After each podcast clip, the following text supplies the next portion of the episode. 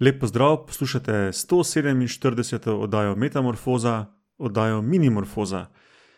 Jaz sem Matjaš Gregorič in Minimorfoza je posebna oddaja Metamorfoze, kjer fulno hitro predstavim pet zanimivih nedavnih raziskav, ki se niso uvrstile v glavno oddajo. Povezave do poljudnih in znanstvenih objav o teh raziskavah, o katerih danes govorim, so seveda v zapiskih. Eh, sicer pa ima Metamorfoza svojo spletno bazno postajo na medijskem mreži Metina Lista. Ok, začnimo. Raziskava ena. Živali uporabljajo strupe v mnoge namene. Zraven očitnih plenjenja in obrambe pred plenilci, včasih s trupom rešujejo tudi spore z drugimi osebki iste vrste. Počasni lori je en hecni primat, ki je znan po tem, da se osebki grizejo. In to grizenje povzroča grde razjede, in te rane so dosti krat smrtne. V novi raziskavi so prvič preučili funkcijo tega strupenega grizenja v naravi, in tekom osemletnega opazovanja so ugotovili, da so počasni lori ena od samo petih vrst živali, ki strup uporablja tudi za tekmovanje z vrstniki.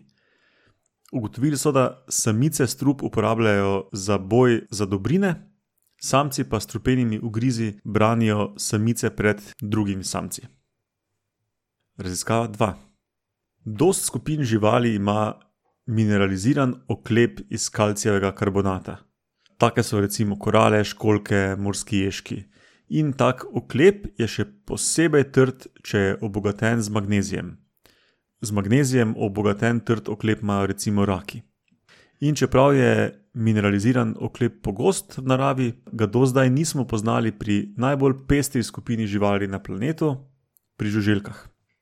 Novi raziskavi pa zdaj predstavljajo mineraliziran in z magnezijem obogaten zunani oklep pri eni vrsti krojaških mravelj. Krojaške mravlje je skupina dostih vrst tistih mravelj, ki ki v tropih režejo listje in jih potem nosijo v mravlišče in to uporabljajo za podlago za gojenje gljiv. No, v tej raziskavi ugotavljajo, da ima največja kasta delavk celo telo prevlečeno z mineraliziranim slojem, kar naredi njihov oklep bistveno trši. In to verjetno poveča verjetnost njihovega preživetja v bojih, v vojnah z drugimi mravljami. Raziskava 3. Dobro znano je, da se mnogim kuščarcem odlomi rep, ki ga potem kasneje regenerirajo. Sigurno ste že vsi kdaj na morju videli kakšnega podnarekovaja Martinčka, ki ima malo krajši rep in malo drugače obarvan rep. No, do zdaj pa ni bilo znano, ali so takšne regeneracije sposobni tudi krokodili. V novi raziskavi ugotavljajo, da vsaj mlajši krokodili so sposobni neke delne regeneracije repa. Ti regenerirani repi pri krokodilih so sicer precej krajši od tistih prvotnih. Eh, medtem ko je regeneriran rep kuščaric zgrajen iz um, centralnega skeleta, centralnega um, okostja, tako kot običajni rep, in ima tudi mišice, se pravi, da lahko tudi regeneriran rep lahko potem kuščarice premikajo. Za razliko od tega pa je krokodili rep zgrajen samo iz mehkega veziva in je brez mišic, se pravi, taki neki brezvezni repek. Raziskava štiri.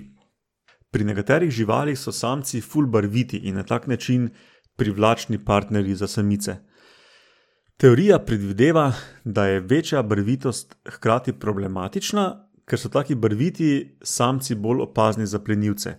Se pravi, gre za nek kompromis med tem, kako zelo je nek samec všeč samicam na eni strani, in hkrati na drugi strani, kako zelo je viden plenilcem, kar ga ogroža. In ta kompromis je eksperimentalno redko testiran. V novi raziskavi so zagrizli prav to in so naredili glinenaste modele kuščaric iz rodu Anolis. In tem modelom so potem prilagajali barvitost. Eh, do zdaj je dobro znano, da kričeče obarvani samci teh anolisev eh, privabijo več samic. Zdaj pa so ugotovili še, da so imeli kričeče obarvani modeli več kot podvojeno možnost, da jih uplenijo plenilci. Tako da, ja, ni enostavna izbira, kak seks je fajn biti. In še raziskava pet. Dost živali na otokih kaže manjšo sposobnost letenja, in tak je tudi pri žuželkah. Razlage za tak trend so pa raznolike, nejasne in konfliktne. V nedavni študiji so raziskovali žuželke na otokih Južnega oceana. Ugotovili so, da skoraj polovica domorodnih vrst ne leti, se pravi, vsaka druga domorodna žuželka na teh otokih ne leti, kar je večkrat večji procent, uh, kot običajno srečamo pri žuželkah. Ta trend ne letenja na otokih, glede na model v raziskavi, najboljše razlaga razlika v moči vetra med otoki in celinami. Se pravi, verjetno je šlo za nek kompromis med energetsko potrato za letenje in um, energijskim vložkom v razmnoževanje, glede na njihove modele. Ok, to je to, kar se tiče minimorfoze za danes, in se slišimo naslednjič z redno oddajo. Adijo!